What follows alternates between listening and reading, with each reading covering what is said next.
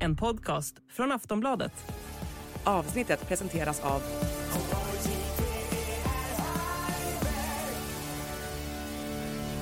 Stödlinjen.se, åldersgräns 18 år.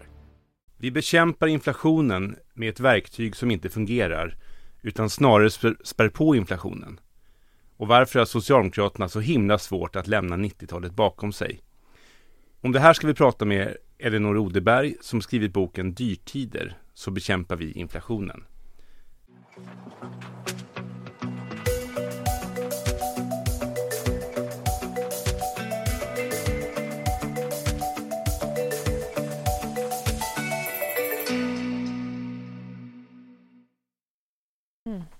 Stäng av era mobiler. Har ni fått kaffe era stackare? Ja, Ja, ja. Jag har druckit mitt. Jag, Jag kör vatten nu. Herregud, Jag sa ju det under mitt röstprov ju. ja just det.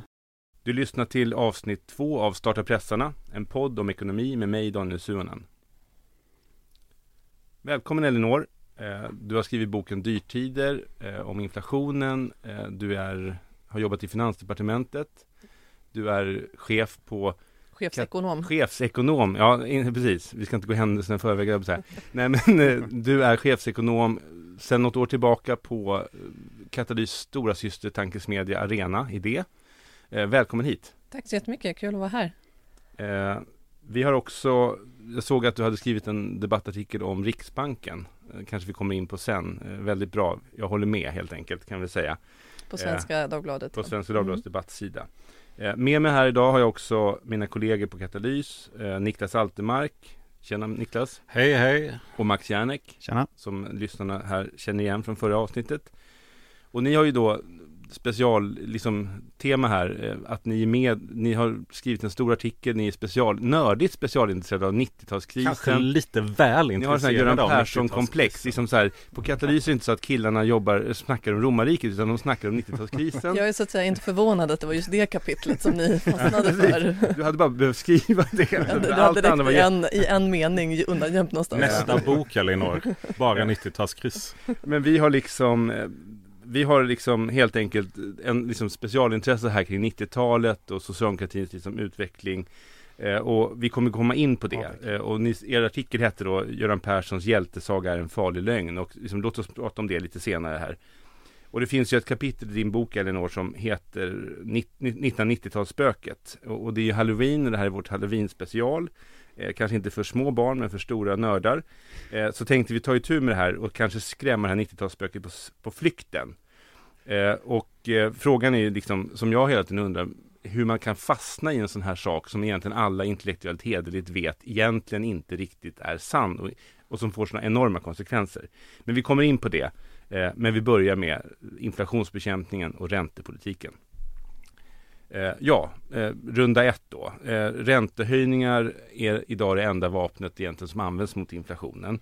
Eh, och Riksbanken har sedan 2022, det är ganska nyligen men det känns som en evighet, eh, hållit på och höjt räntan efter en väldigt lång period med, med låga räntor.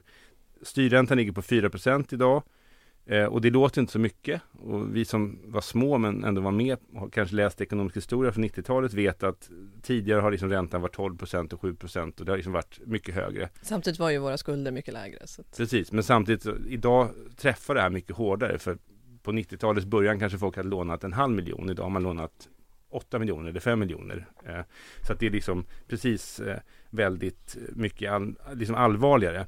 Skulderna har fördubblats i förhållande till inkomsterna och nu ligger de på 200 procent. Alltså vi är dubbelt så skuldsatta som våra inkomster. Det är väldigt allvarligt. Svenska folket är väldigt skuldsatt om man jämför med andra. Eh, och nu ska man bekämpa inflationen eh, med räntan helt enkelt. Det är det man har. Det är den hammare man har i sin verktygslåda. Eh, och då, Elinor, du skriver i din bok så här. Samma verktyg som används för att sänka inflationen, det vill säga höjda räntor, bidrar paradoxalt nog till att höja räntorna, eller höja inflationen. Eh, kan du gå in på det? Kan du förklara det här lite grann? ja men när, eh, idén med räntehöjningarna är ju att dämpa aktiviteten i ekonomin, strama åt efterfrågan själva syftet är ju då att du ska få mindre att konsumera med genom att bolånet blir dyrare och genom att du får mindre köpkraft så ska du bli en kräsnare konsument och då tänker man att då får företagen en press på sig att sänka sina priser eh, och så ökar det också incitamenten att spara. Eh, I alla fall i teorin om man tänker att eh, bankerna faktiskt höjer sparräntorna så mycket som styrräntan höjs. Eh, det gör de ju inte riktigt, vi kanske kommer tillbaka till det. Mm. Eh, men Problemet är ju att företagen har ju också skulder och lån, så att när räntan höjs så ökar ju också deras räntekostnader. Till exempel så svenska lantbruket som ju är eh, väldigt skuldsatt och eh, matpriserna har ju i, inte minst varit en, en stor del av den inflationen som har tyngt hushållen. Matpriserna har gått upp med över 20 procent på ett år. Vi får gå tillbaka ända till 50-talet för att hitta en lika brant prisstegring på mat. Eh, och där har man ju tydligt sagt bland, bland lantbrukarna då att räntekostnaderna överstiger nu de samlade kostnaderna för transporter, för foder, för uppvärmning eh, sammanlagt. Och vart ska de kostnaderna ta vägen? Ja, på priset naturligtvis. Eh, och sen så slår ju också räntan räntehöjningarna mot i princip alla typer av nyinvesteringar. Så många av de investeringar som skulle behövas för att göra oss mer motståndskraftiga inför nästa prischock, eh, och då tänker jag till exempel på energieffektivisering, eh, på eh, ökad energiproduktion, på kanske satsa på järnvägen, kollektivtrafiken så att man inte måste ta den där bensinbilen vars där typ pumppriset bara blir dyrare och dyrare och så vidare. De sätts ju på vänt också på grund av räntehöjningarna. Så att det slår både på kort och lång sikt. Det ökar företagens kostnader här och nu för deras lån, vilket de kan vilja ta ut på priserna. Eh, och det hämmar framtidsinvesteringar som skulle kunna göra oss bättre förberedda när nästa prischock på till exempel energi slår Och även hyrorna höjs väl av räntehöjningar? Ja, precis, det med. Det låter alltså, jag tror jag har beskrivit det när jag har pratat ganska mycket i fackföreningar och sådär att det är som att räntevapnet är som att det är som en stor jätte som har en hammare och så ska de försöka liksom rätta till ett, alltså komma åt en väldigt liten knapp eller liksom ett litet, litet reglage. Men det enda den kan göra är liksom att stå, stå och slå med den här stora hammaren och hoppas att den liksom träffar, att den till slut har krossat allting och även kommer åt den här, det här lilla reglaget. När, när jag läser din bok och när jag hör dig snacka nu och även i andra poddar och så, det låter som att det här egentligen är helt felaktig, Alltså det är en helt eh, konstig politik, alltså, eller hur? Det är en teoretisk modell egentligen. Och jag blev ganska förvånad när jag började jobba med boken för att Skälet till att jag ville skriva om det här, det var ju egentligen att jag hade en magkänsla som var så här, okej, okay, vi vill bekämpa det här fenomenet inflation som gör oss fattigare genom att göra oss själva ännu fattigare. Mm. Mm. Är det verkligen det enda sättet? Eh, det känns som att vi byter ett, ett ont mot ett annat ont och nu är det ju mm. mer som att vi har två ont samtidigt. Hushållen är både tyngda av inflationen och räntorna, alltså det är tveksamt om det här ens kommer åt det är det sagt att komma åt.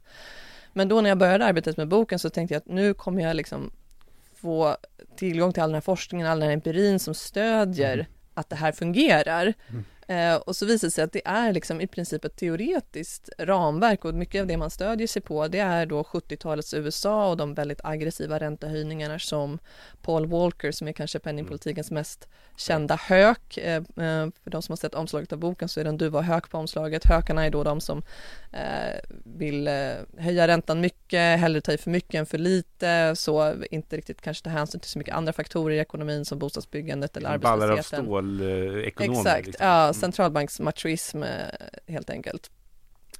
Och då så höjde man på 70-talet då räntan väldigt, väldigt mycket och fick upp arbetslösheten i USA på över 10 procent.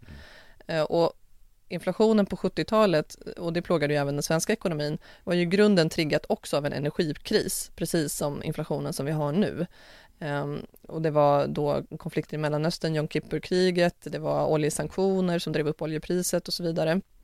Frågan är ju nu om, om vi kommer uppleva det igen um, med tanke på att det finns en eskalerande konflikt mellan um, Hamas och Israel uh, nu som kan få liknande konsekvenser om fler länder dras in och så vidare. Eh, så att det var liksom orsaken. Eh, och så använder man då räntan som vapen mot det här. Att man, man, trots att det var egentligen utbudschocker som orsakade inflationen så tänkte man att vi stramar åt efterfrågan via räntan. Och så har historieskrivningen blivit då att det här fungerade och det är mycket av det man lutar sig mot när man säger att eh, det är räntehöjningar som krävs för att få ner inflationen. Men då måste man ju, ett måste man fråga sig hur ser det kausala sambandet egentligen ut? Två, är det ett pris vi vill betala? Vill vi Vill vi i grunden betala med högre arbetslöshet, avstannat bostadsbyggande, eh, lågkonjunktur för att få ner inflationen? Hög inflation längre fram. Ja, eventuellt. Men om man säger så här, om, om eh, räntehöjningar inte funkar, eh, vad ska man göra då? då? Alltså vad är liksom rätt medicin?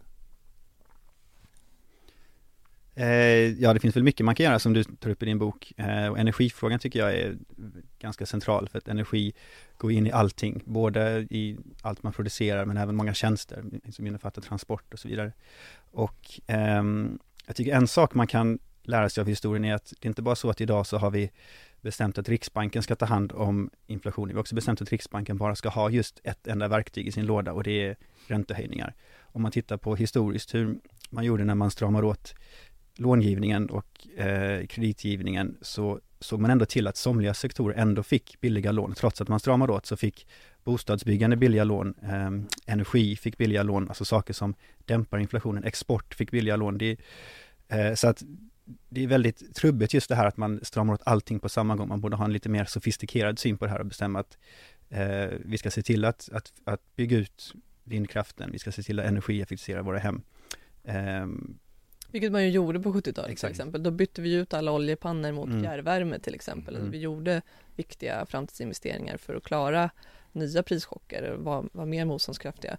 Eh, och jag håller verkligen med, och det, men det hänger ju ihop med att vi har en oberoende riksbank som inte kan underställas politiska mål. Det kunde man ju på eh, Innan, innan, innan 90-talet så kunde man ju säga att nej men, vi, vi tycker Mm. bostadsbyggandet är viktigt, Mm. vi vill ha, penningpolitiken behöver vara en del av bostadsbyggandet och man höll räntan låg på politisk väg. Och Gunnar Eh, Sträng kunde springa in på, finans, på Riksbanken och skälla ut dem och liksom kräva en räntesänkning innan middagen. Liksom. Alltså ja, inte riktigt så. så. Inte riktigt så. Där, det är liksom mytbilden från mytbilden, höger. jag tror att liksom, precis, och den ska man nog inte odla för då blir nog alla livrädda inför när man då pratar om demokratisering av Riksbanken. Snarare är det så att Riksbanken borde fungera som vilken annan myndighet som helst.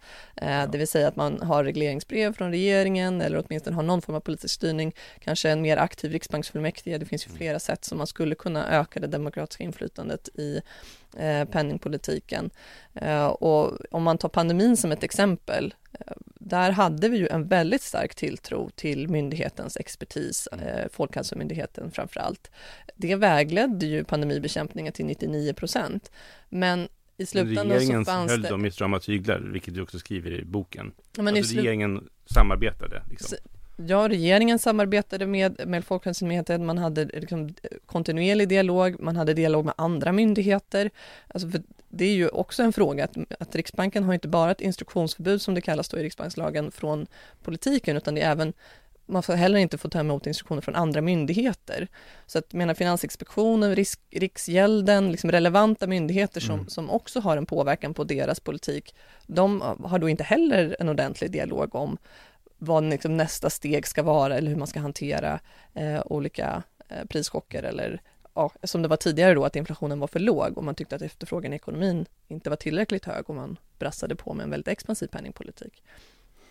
Vad tänker du Niklas? Nej, Jag tänker många saker. Statsvetarhjärnan i mig tänker ju för det första att det är en fråga om ansvarsutkrävande. Jag står och snackar med mina A-studenter eh, och, och där lyfter vi ju fram ansvarsutkrävande som en helt central del i en fungerande ekonomi. Och sen så är liksom det viktigaste ekonomisk-politiska instrumentet som vi har, ja men det ligger på en expertmyndighet. Ansvarsutkrävande i en princip är, är liksom i alla fall väldigt, väldigt svårt.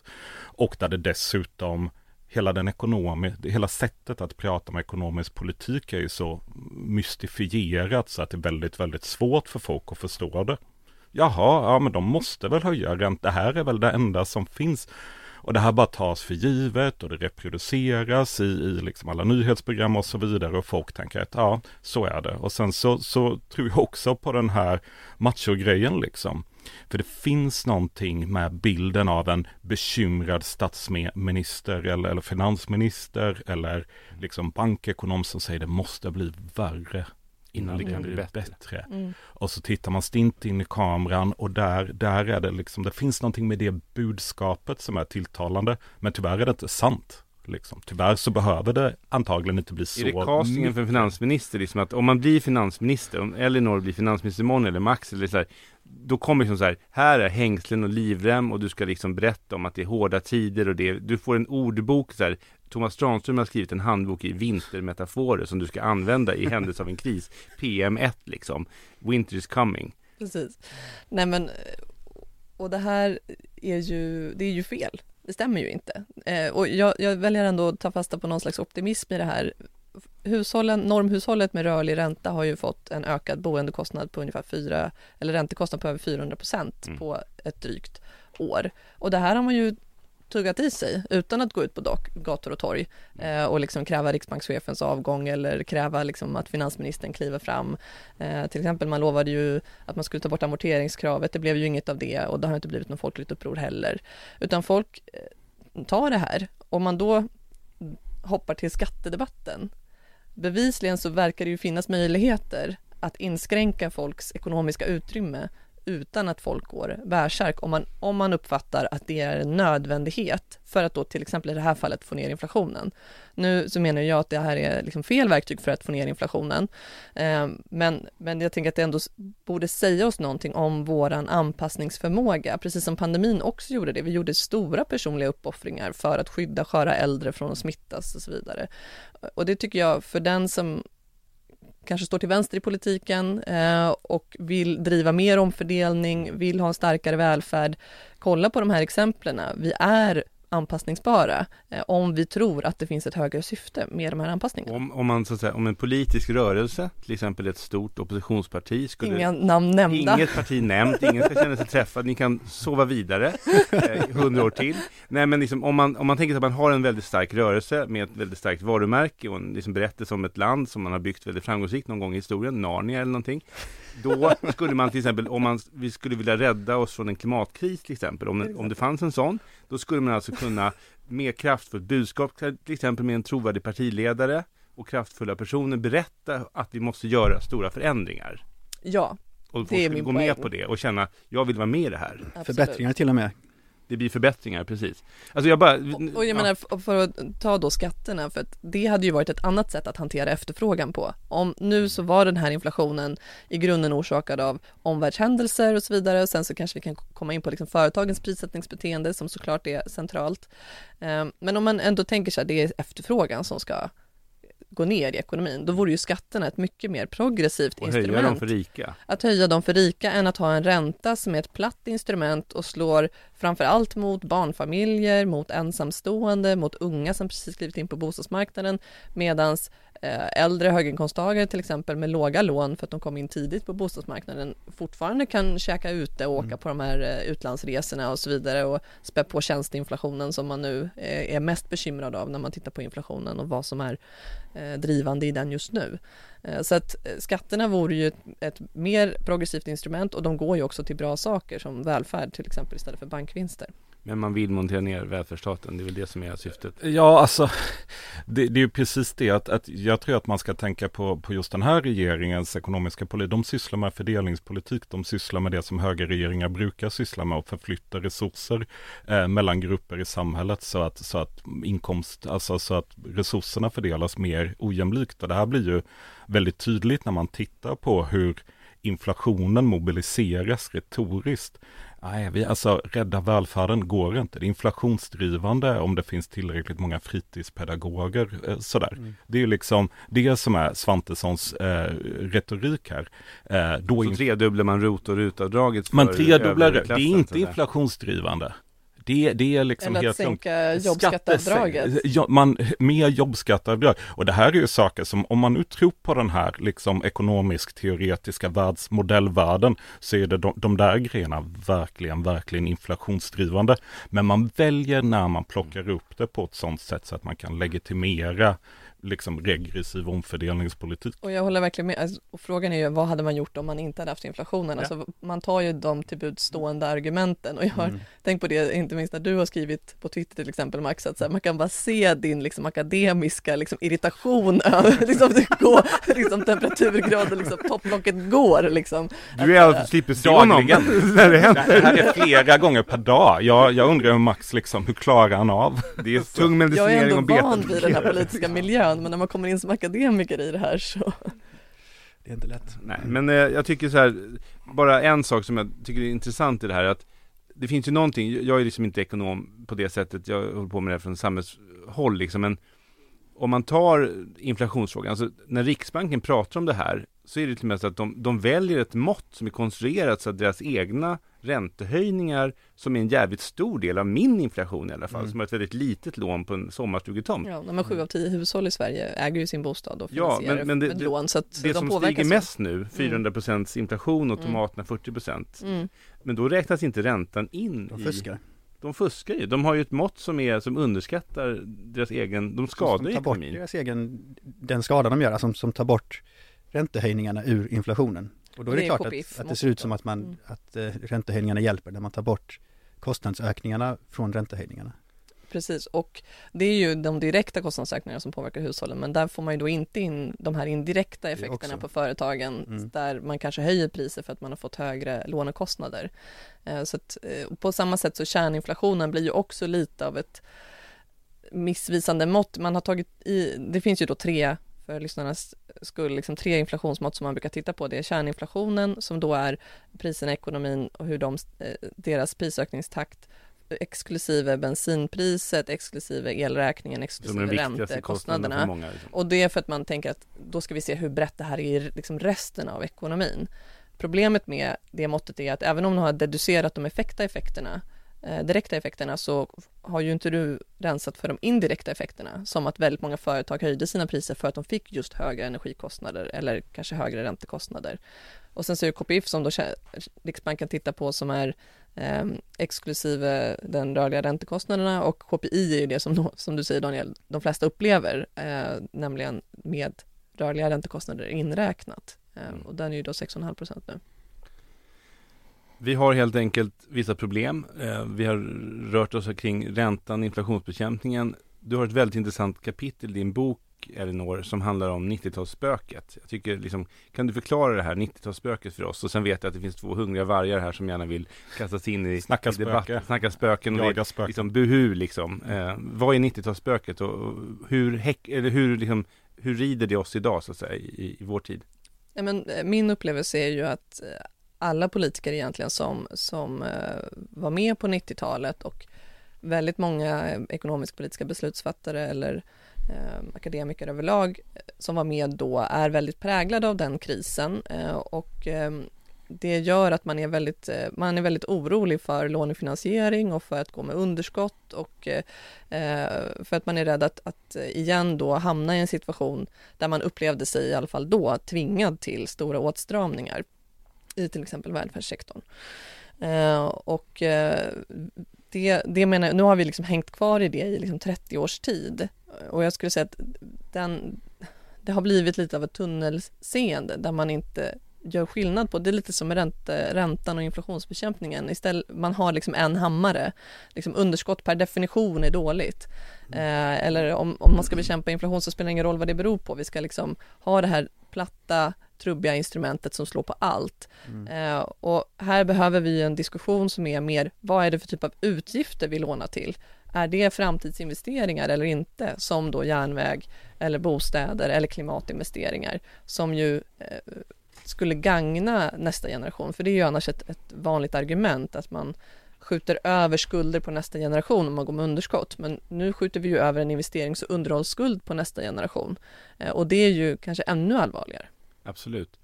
Och man kan ju ändå säga liksom att man har två egentligen delar av den här liksom nyliberala omgörningen av Sveriges ekonomiska politik på 90-talet. Det var dels att man lämnar och, alltså kampen för full sysselsättning och går över till ett inflationsmål.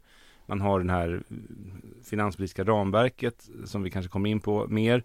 Och så har vi den här oberoende Riksbanken. Och det jag tycker är intressant med det där är att när man nu pratar om integrationsproblem och kriminalitet och så. Jag tycker det är så intressant att man aldrig pratar om den här skiftet i arbetslöshet som vi liksom, det Mm. politiska skiftet där man under 40 år lyckas ha full sysselsättning. Och vi hade 1990 då 2 arbetslöshet. Det är ju helt liksom det är ju ingen som ens tänker den tanken. Inte ens vi på två progressiva tankesmedier tänker till vardags att vårt mål idag på kort sikt är 2 arbetslöshet. Den är ju 8, Ja, jag 9. tänker ju... Ja, att vill det ha var det. ju Ja, men vi, alltså det är inte det som för, ja, men jag menar, vi tänker det. det. Det är vår plan, så att säga. Ja. Men det är inte så, det är inte där debatten förs och det, i de här andra debatterna i samhället så, så diskuterar man aldrig den typen av, av frågor helt enkelt. Nej men och jag tycker man ska vara ärlig där att jag menar om man menar allvar med full sysselsättning som mål då skulle det kunna leda till en efterfråge, liksom, stimulans för ekonomin och eventuellt en något högre inflation tillfälligt. Eh, så det, är inte så att efterfrågan är oviktig för att förstå inflation och prisökningar, eh, även om den här inflationen som vi upplever just nu inte var orsakad av svensk efterfrågan utan mer omvärldshändelser. Eh, men jag tycker att den resan är värd det. Alltså Ja. att man kanske behöver höja inflationsmålet tillfälligt 3%, man kanske behöver 4%. höja eh, eller sänka överskottsmålet eh, till ett underskottsmål för att faktiskt göra de där investeringarna. Och sen så kan man tänka sig att man, att man stabiliserar sig på en ny, så att säga, ny jämvikt. Mm. Eh, 50% eller någonting sånt där. så att, för att inflationen är ju då prisökningstakten och inte prisnivån. Eh, så att eh, det, det, jag, jag tycker liksom att man måste ha den, den debatten om vad är viktigt. Men du har ju du har ett jättebra avsnitt om det i boken där du skriver om, om eh, Philipskurvan som är det här eh, modellen över sambandet mellan arbetslöshet och, och inflation och, och Nairo då som ska vara den här punkten där, eh, där inflationen, liksom den högsta sysselsättningen utan att inflationen ökar. Så. Precis. Och det avtäcker på, på, ett, på ett kul och, och liksom, tror jag fullt korrekt sätt liksom, den här mytologin. Men, men sanningen är, det, är ju det att liksom, trots att våra politiker hela, hela tiden pratar om att skapa jobb och jobb är lösningen på precis allting så har vi också ett ekonomiskt politiskt system som aldrig skulle kunna, det, vi skulle aldrig tillåta att arbetslösheten blev 2% för att Riksbanken skulle höja räntan innan dess. Så att, och det, det måste vi också vara tydliga med, att hela det här snacket om, om, om full sysselsättning som politisk retorik idag, det är en chimär. Liksom. Alltså vi har en ekonomisk politik som bygger på nedskärningar i välfärden, bostadsbrist som höjer bostadspriserna, Skattesänkningar, skattesänkningar som är den enda efterfrågestimulans som en, oavsett nästan regeringsfärg tyvärr, liksom, kan, kan tänka sig. Jag, jag vill ändå bara föra tillbaka till din bok Elinor. Eh, det är det här, du har ett citat där som handlar om det här med arbetslösheten. Alltså 1990 var den 2 procent och egentligen historiskt under liksom, socialdemokratins era då. Liksom, eh, Det finns ju något sånt 30-talet. talesätt att du kunde liksom inte gå förbi eh, Volvo-fabriken Utan utan, att bli erbjuden ett jobb. råka bli anställd. Nej men det var 2-3 procents arbetslöshet och sen så gick den upp till 12 under krisen och sen gick den ner, nu är det liksom 6, 7, 8 procent. Man kan egentligen Mm. säga att om man vill ha ett, ett mått så kan man säga att vi hade 2-3 procents arbetslöshet och 3 procent då krävde folk, eh, då var det revolutionär stämning och folk krävde alla regeringars avgång. Och nu är, liksom, är den 6, 8, 9 procent liksom, som normalläge. Så det är ett otroligt skifte. Och, och då tänker jag så jag har ett citat i din bok som är så här hade någon då sagt att vi skulle normalisera en arbetslöshet på 7% i Sverige hade både Riksbanken och Finansdepartementets tjänstemän satt kaffet i halsen. Mm. Hur, hur har det här gått till?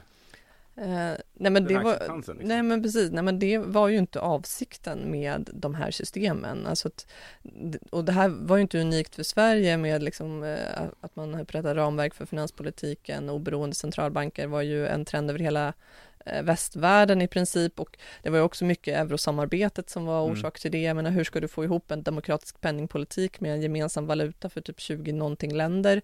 Eh, inte helt lätt att få till och sen så har det här liksom, har man lagt på en massa raster på det här som att det Mm. också är det bästa sättet att styra penningpolitiken när det egentligen var liksom en bekvämlighetsåtgärd för euro, eh, för att euron skulle vara genomförbar. Ja. Eh, så att det eh, jag, jag Alltså, tror det var ja. aldrig avsikten utan det var liksom de, de, de trender och ideologi, den ideologi som rådde då Mm. helt enkelt. Och det, och det var just för att kunna gå med i euron så var man tvungen att ha en självständig riksbank och ett, en låg statsskuld och ett lågt underskott. Så därför införde man självständig riksbank och finanspolitiskt ramverk för att kunna gå med i euron. Och sen så gjorde vi inte det, så röstade vi nej. Och så håller man ändå kvar vid de här extremt destruktiva eh, arrangemangen eh, utan att det diskuteras. Men det som jag tror egentligen är, är problemet är ju, alltså för du skulle ju teoretiskt sett, om man går in i detaljerna på ramverket, så skulle ju riksdagen kunna enas om ett mycket högre utgiftstak. Man skulle Mm, kunna sänka absolut. skuldankaret eh, till exempel, så att man får utrymme för att göra investeringar. Så egentligen så det det är ju den politiska viljan som är problemet och den här, som jag försöker mena då, något obefogade rädslan för lånefinansiering i samhällsviktiga syften. Det är det som, som, som jag tror är är liksom den kultur lite grann som behöver förändras. Så apropå spöket då, det är liksom det spöket man måste göra sig av med. Och, och här tror jag att det finns en rädsla bland många eh, politiker till vänster, eh, inte minst Socialdemokraterna, eh, att om vi om vi ruckar Släpper på det det här, här, om vi släpper släpper för här. mycket, då kommer det bara bli skattesänkningar när det blir en borgerlig regering. Eh, och, att det och, och där tror jag att men där tror jag man liksom fäller lite kroppen för sig själv för att det finns inget som hindrar borgerliga regeringar från att sänka skatten, tyvärr. Nej. Är de Och skära ner på välfärden. och det är, liksom. för det är ideologiska skäl eh, bakom det. Eh, och eh, jag tror bara att jag räknar ju ner dagarna tills Sverigedemokraterna fattar att de kan liksom bara spräcka det här. Eh, och nolla alla bensinskatter och ja, vad de nu vill hitta på. alltså, Eh, för att det får ju egentligen inga, det, det är inte så att någon blir fängslad eller nej, bötfälld det här är, det här är en mental låsning. Och jag tänkte, alltså, jag blir, jag blir väldigt sällan skärrad, men det var verkligen på val... Är det så verkligen? Ja, nej men på valdag, men jag tål ganska mycket men, eh, men Men då var det på valdagen var jag med i någon panel Och då i den panelen var det liksom massa tankesmedjor och så på Kulturhuset och så säger liksom Oikos Jag håller verkligen med, alltså SDs tankesmedja Jag håller verkligen med Daniel Suhonen på Katalys om en sak Och det är att vi måste verkligen ha ett nytt finanspolitiskt ramverk. Och tänkte så här, ja Det här är en, alltså en rörelse som vill någonting vill ju använda ekonomin för att åstadkomma det. Och och det tror jag att vi kommer se redan den här mandatperioden. Jag tänkte bara kasta in frågan nu, liksom, vi har ju två ivriga liksom, eh, nördar här med oss idag. Eh, Niklas och Max, ni två tillsammans med Elisabeth Lindberg, eh, som hoppas jag snart kommer till vår podd. Eh, ni skrev en text här om 90-talsspöket och den här mentala låsningen. Ja, tunnelseendet som, som Elinor uttrycker det som. Och jag menar, alltså till att börja med, för att, för att försvara nörderiet här då, för, för lyssnare som eventuellt inte är, är nördiga, så är anledningen till att, att i alla fall jag, jag tror du med Max, att vi nördar om detta är ju för att det utövar jättestort liksom inflytande över hur vi tänker kring Mm. ekonomin idag. Varje gång som, som något tecken på liksom lågkonjunktur uppenbarar sig vid horisonten så kommer man återberätta historien om när Göran Persson fick åka till Wall Street med mössan i hand brukar man säga och det skrev han själv i sin bok också eh, inför flinande finansvalpar liksom. Så det finns ju en sån berättelse. Jag tror att jag skriver det i boken också. Ja, han, ja, precis. Jag läste den sektionen alldeles för många gånger. Jag citerar det ofta.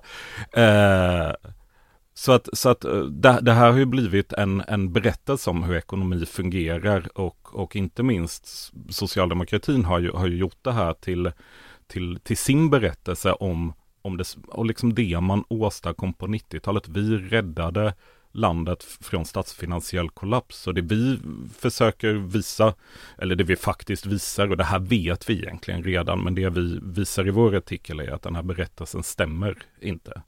På Eh, något sätt va, eller hur? Men jag tror att det var, att, upp, att det upplevdes så. Oh ja, absolut. Att, att det verkligen eh, var av nöd tvunget. Absolut, och eh, det, göra det där är jätteviktigt för att, för att Sysslar man med politik, vi har en flytande krona för första gången någonsin sedan två år tillbaka. Det är ett oerhört kaotiskt Nu läge. pratar jag om 90-talet. Ja, på Göran Persson 90-talet, fick dit. på- med Göran Persson efter valet, som finansminister efter valet 94. Det är en skitsvår situation. Självfallet, det är klart man måste göra någonting. Och när man gör saker, liksom det, det är både förklarligt och försvarligt att det kan bli fel. Det som inte går att försvara, det är att vi vägrar lära oss av det i efterhand. När vi faktiskt vet att, okej, okej, vi hade ett större utrymme än vad vi upplevde oss ha. Och vi har ett större utrymme idag. Ja, alltså det var ju verkligen motsatt recept på hur man ska möta en lågkonjunktur som man använde. Man höjde räntorna oerhört mycket, 500 procent, eh, man stramar åt finanspolitiken. Det är verkligen tvärtom mot vad man ska göra i en lågkonjunktur, vilket är att den privata köpkraften försvinner och staten borde gå in och spendera mer. Men så gjorde man tvärtom och sen så i efterhand så har man, så har man tänkt att man gjorde rätt. Det, Men, och det där handlade ju mycket om kronförsvar som du är inne på Niklas. Ja. Att man tänkte att det är så vi upprätthåller förtroendet för den svenska ekonomin och för kronan. mm. Eh, och där tror jag att man någonstans måste liksom anklaga det bredare nyliberala paradigmet som ja, rådde då. ja. Eh, på samma sätt som liksom nedskärningarna i Grekland i samband med liksom eurokrisen Mm, absolut. 2012. Att, eh, man försökte ju säga så här, nej vi vill inte, vi tänker inte göra de här nedskärningarna. Mm. Man, man protesterade ju in i det sista men tvingades ändå till det eh, för att man var ändå i händerna på eh, utländska långivare. Eh, och det var ju, nej. nej men Nej, man tvingades inte till det, Men man, man valde att göra det. Ja, du menar Grekland? Grekland, Jaha, okej, jag Grekland, du menade Grekland. ehm, Sverige. Nej, nej, Eh, nej, och- Grekland håller jag absolut med, så att- 100%. för Greklands del. Så Mm. det menar jag att så här, om, om du hamnar i en sån situation och som Göran Persson också då på 90-talet upplevde att så här, det här, de här åtstramningarna är vad som krävs för att få tillbaka förtroendet för svensk ekonomi och svenska kronan. Sen så kan man fråga sig, var det så egentligen? Eh, men, men det var ju i den missionen som man gjorde det och på samma sätt nu då så finns det ju också, det är som att vi upplever 90-talet igen, att man tänker att man ska höja räntan för att försvara kronan, det tar Mm. liksom, eh, och att man ska strama åt för att liksom eh, det på något sätt ska hålla inflationen nere. Du är inne på det Elinor, i din bok och du sa det här, den här nyliberala eh, ekonomiska hegemonin, den här liksom nästan, ja vad ska man säga, alltså monolitiska idén om hur ekonomin ska, ska, ska råda. Det finns liksom må- många ekonomiska teorier, men det är liksom en som, som regerar våra utbildningssystem. Och då tänker jag på ett stycke i din bok som är så här, jag citerar. I bakgrundssamtal till den här boken sa en professor i nationalekonomi fnysande att, att med den här inflationen är realräntan alldeles för låg. Riksbanken måste ta i mer. Jag förstår inte varför folk bara lånar för att betala sina räntekostnader. Alltså de inte lånar för att betala sina räntekostnader. Det är ju vad man ska göra i det här läget. Lånen äts ju upp av inflationen. Professorn själv bodde i en fastighet köpt för en spottstyver på 90-talet och var förvånad över att så många av sina yngre akademiska kollegor på jobbet hade med sig matlåda numera. Uppenbarligen hade professorn också missat att många nya bolånetagare redan tagit, slagit i taket för vad man fick låna av banken. Slutcitat. Och när jag läser det här så blir jag så här, då går mitt topplock.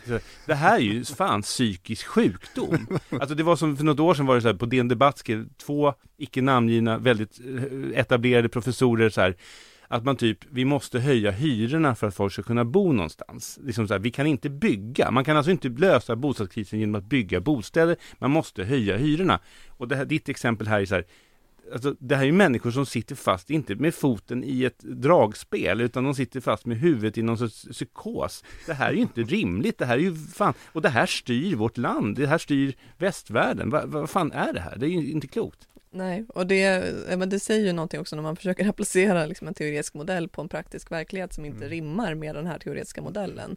Att, eh, jag har varit med eh, i en del sammanhang nu också pratat om inflation och till exempel stigande matkostnader och så vidare och så eh, är folk så ja men man får ju justera, nu är det inte lika mycket filé till exempel i, i Svenska Dagbladets ledarpunkt. det blir köttfärs istället. Eh, och man bara, när var det filé? det är väl liksom, eh, och vilka grupper är det man pratar om? Och det han då? säger också att man ska ta ett lån, man ska ta, man har ett stort lån, man har höga Ja, räntekostnader. Som man ja. inte kan betala. som man inte kan betala, då ska man ta ett nytt lån för att betala av de räntekostnader. Man ska gå till banken och säga, jag skulle vilja ha ett nytt lån för att betala min ränta på mitt redan stora lån. Alltså, Det finns väl en som ju- prövar det där, Ilja Battlan, SBB, har väl Ja, just det det. där va? ja. Ponzi. Ja, men vad tänker du Max? Du, du är liksom, du tycker liksom det här är, de är galna liksom? Den galna Alltså, vetenskapen? Jag, jag förstår inte hur man kan kalla detta för vetenskap. Alltså det är verkligen, det har ju absolut ingenting med verkligheten att göra. Att, alltså, att tro att man kan gå till banken och få ett, ett lån på det sättet. Eh, och så, Man ja. ska sms-låna för att betala Ja, precis. Det kan Alltså, vara, det kan vara litteraturvetenskap. Då är det i alla fall högre Vi analyserar säga. fiktioner så. ja, precis. Ja, nej, men, eh, men man måste ju, eh, man ska inte lägga för stor skuld på politikerna på 90-talet, vad de gjorde. Alltså man kan tycka att de var naiva och vilseledda, men man måste också förstå att de här idéerna som framstår som totalt nonsens när man väl tittar på dem lite mer i detalj, var ju totalt styrande. Eh, och det fanns en sån idé om att obligationsmarknaden styr och man kan inte göra någonting som gör obligationsmarknaden nervös och det är marknaden som sätter räntan, inte Riksbanken, inte centralbanken. Och eh, om centralbanken skulle gå in och sänka räntan och köpa upp statsobligationer så är det, då kommer liksom helvetet bryta löst, då blir det Weimarrepubliken och Zimbabwe nivå av inflation liksom. Och, vi, Eh, och i ärlighetens namn så vet vi ju inte vad som hade hänt om man hade valt den vägen. Nej, eller vi vet väl att det antagligen inte hade blivit eh, 7% arbetslöshet eh, i, som normalläge. eh, så att de här, alltså det finns ju någon sorts hegemoni som, som gör att, att politiker, för de är inte insatta i det här egentligen, de har inte tid att sätta sig in i olika ekonomiska teorier och väga dem mot varandra och sådär. Så att om alla experter så att säga tycker en och samma sak, så det är väldigt svårt för politiker att tycka någonting annat. Och det var för att spola tillbaka till Finansdepartementet och till när inflationen började stiga, så det var ju sånt otroligt starkt narrativ. Alltså, eh, om, av allt man som politiker kan vilja liksom ändra på så tror jag att det här med liksom oberoende centralbank och att det de ska sköta Mm. inflationsmålet, det är nog liksom det absolut svåraste att rucka på eh, som politiker. Eh, och då i ett läge där vi inte har upplevt inflation på typ 30 år, för många hade liksom räknat bort det här som ett ekonomiskt politiskt problem överhuvudtaget. Eh, så att eh, Jag... jag... får ringa Erik Åsbrink liksom för att fråga hur gör man? Ja, nej men liksom, jag- jag- man måste förstå det att för att göra saker mot strömmen på regeringskansliet så måste man ha en extremt stark Mm. Politisk uppfattning. Mm. Eh, och det fanns ju inte då eh, av förklarliga skäl. Det var också så att liksom, de säkerhetspolitiska konsekvenserna var ju mycket, mycket mer i fokus. Jag menar, när inflationen började stiga, då stod vi fortfarande och tittade efter ett närmsta skyddsrum. Liksom. Eh, så att, eh, däremot så behöver man ju nu kunna dra lärdom, precis som man borde kunna dra lärdom av 90-talskrisen och så vidare, av hur vi ska vi hantera det här nästa gång då? Mm. Och är det bara en oberoende centralbank och räntan som ska höjas när priserna stiger? Jag tänker, jag tar liksom den frågan när det dyker upp där. Du jobbar ju på Finansdepartementet, Elinor. Och du beskriver i boken, och jag har hört det också i andra sammanhang, det här Alltså en viss frustration om man säger så kring vad som hände då och så egentligen kanske framförallt en ihärdighet att man vill ändra hur det går framåt. Du beskriver liksom hur man inte kunde få igenom, det är svårt att få igenom reformer i regeringen liksom om man inte kommer, liksom, få igenom det på Finansdepartementet. Och jag har ju själv liksom skrivit om att jag tyckte det var väldigt märkligt att Magdalena Andersson då, sossarnas partiledare och tidigare finansminister, att hon liksom inte gick till val på egentligen några tydliga reformer. Och argumentationen var, vi vet inte vad som händer efter valet mandatmässigt och vi vet inte, det finns inga pengar, var liksom budskapet. Och det där, nu har ju den borgerliga regeringen jättemycket pengar till elstöd och till eh, de har 50 miljarder ena året och 40 miljarder, alltså reformutrymmet tycker jag, vi tar det en annan gång, det, jag tror inte på det, men det stämmer liksom inte. Men de har ju haft ganska mycket pengar att röra sig med. Och då tänker jag så här, vad, vad, vad beror den här socialdemokratiska handlingsförlamningen på och vad ska man göra för att ändra det? Det är, liksom, det är ju vårt jobb då, när vi går ut ur den här studion. Vad, vad gör vi för att ändra det här och vad beror det på? Nej, men jag upplever ändå att man nu har varit, alltså jag menar det finns förslagen om som folkhemsel, alltså nu när det har gått en tid, om man har kunnat se att till exempel länder som var mer aktiva i sin finanspolitik, till exempel Spanien satte pristak på elen, fick ner sin inflation till Europas lägsta. Ehm, så att man, eh, tycker jag nu har absolut eh, dragit lärdom av, av den den perioden och att det syns i den typen av förslag som, som folkhemsel, som beskattning av bankernas räntenetto, som ehm, eh, och bygglån som man också gått fram med. Sen så kan man eh, tycka att det kanske ändå inte är tillräckligt för att komma åt liksom, det här helt nedkylda bostadsbyggandet som vi har nu. Eh, och det är väl en eh, på sätt och vis snopen men också naturlig cykel att i opposition så har man mer tid att tänka reformer och policyutveckling än vad man har i regeringsställning. Och i synnerhet den föregående regeringen som eh, både hade eh, var en minoritet, så att man ska behöva liksom få igenom, baxa igenom det här tillsammans med borgerliga partier om man vill uppnå någon typ av politisk förändring i något område. Och först pandemi och sen krig i Ukraina. Så att det var ju väldigt mycket krishantering eh, och i en sån miljö så är det ju svårt att få utrymme för policyutveckling. Men vissa kriser har ju även den här regeringen, eh, de har ju majoritet. Så att, men vi kan, jag tror Niklas viftar här, du vill in här. Ja, äh, det, det är bara så här jag ser ut Daniel, jag vill alltid snacka. Ja, jag vet. Men, eh, ja, och jag, alltså, jag håller ju med om det, jag hoppas att du har rätt Elinor. Sen så tror jag att om man tittar så historiskt på det så brukar det låta så när socialdemokratin befinner sig i opposition, att vi ska laga Eh, socialförsäkringssystemet var snacket 2013 inför valet 2014 och sen så kommer det ganska drastiska nedskärningar, liksom, eller en åtstramande politik där. Eh, och så, och jag, jag tror liksom, om man tittar på ja, socialdemokratins retorik över tid. Jag har några studier som handlar om det. Så det är tydligt att man aldrig övergivit målet om den så här, eh, den generösa välfärdsstaten till exempel. Det lever och frodas i, i det här partiet. Problemet är att man håller sig med en ekonomisk analys som gör det väldigt, väldigt svårt. Och jag tror att det där är ett ganska, det är ett hegemoniskifte. Om vi beskriver 90-talet som ett hegemoniskifte där vi liksom anammade alla de här nyliberala då, neoklassiska ekonomiska idéerna, så behöver vi ju motsvarande hegemoniskifte och titta på liksom nya verktyg idag. Med, liksom, Mer aktiv stat. Ja. Då måste man säga att det var fel det man gjorde på 90-talet om man ska kunna få hegemoniskifte tror jag. Ja, precis. Det där tänker jag är en fråga så här, för att det finns ju en, en prata som är, vi kan liksom ha det nästan som avslutningsrunda, det, det finns ju en prata som är, man säger om olika obekväma saker, besvärliga saker, det har tjänat oss väl. Man pratar om 90-talskrisen, åtstramningarna, det har tjänat oss väl. Har verkligen den här nedskärningspolitiken, det här ramverket, har det tjänat oss väl? Var det liksom, var, var 90-tals krisbekämpningen, var den rätt? Har den tjänat oss väl? Eller ska vi sluta säga det? Nej, vi ska inte säga det. Nej, jag tror, jag tror precis det är förklarligt att man hamnade där. Det, det är liksom, men vi måste våga erkänna att det blev fel. Och här blev det fel. Här behöver vi något annat. Elinor? Ja, jag tror att om man tänker att man ska möta lågkonjunktur med åtstramningar så förvärrar man eh, mm. lågkonjunkturen. Så att det, det får, att liksom gå emot ett, en argumentation som ju till exempel regeringen för om att det är ett nödvändigt ont nu till exempel att strama åt i välfärden. Det stämmer liksom inte. Eh, och det tror jag är viktigt att inte spela med i det. Samtidigt så vill jag ändå säga det att eh, vi trots att vi har, har typ lägst statsskuld i Europa i relation till tillväxt, så har vi samtidigt ett av de mest generösa välfärdssystemen. Så att det, jag tror att man, man har för, hamnat för, blivit för låst i det här ramverket när det gäller investeringar, infrastrukturinvesteringar, underhåll, eh, bostadsbyggande och så vidare.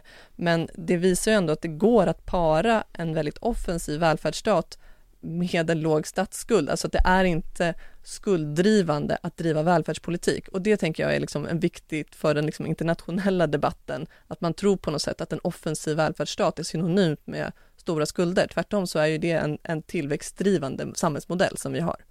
Och där, det beslutordet, eh, Elinor Odeberg var med oss här idag. Tack för att du tog dig tid, kom hit och pratade om din bok Dyrtider. Tack också Max Järnek eh, och Niklas Altermark, utredare på Katalys. Och vi rundar av samtalet. Eh, fortsätt skriva in lyssnarfrågor till startapressarna katalys.org. Det är den 27 oktober 2023 och du har lyssnat på andra avsnittet av Starta pressarna med mig Daniel Suonen. Nästa vecka är det uppehåll. Eh, då får ni lyssna på det här avsnittet igen om ni vill. Men tänk på att ekonomi är politik, inget annat.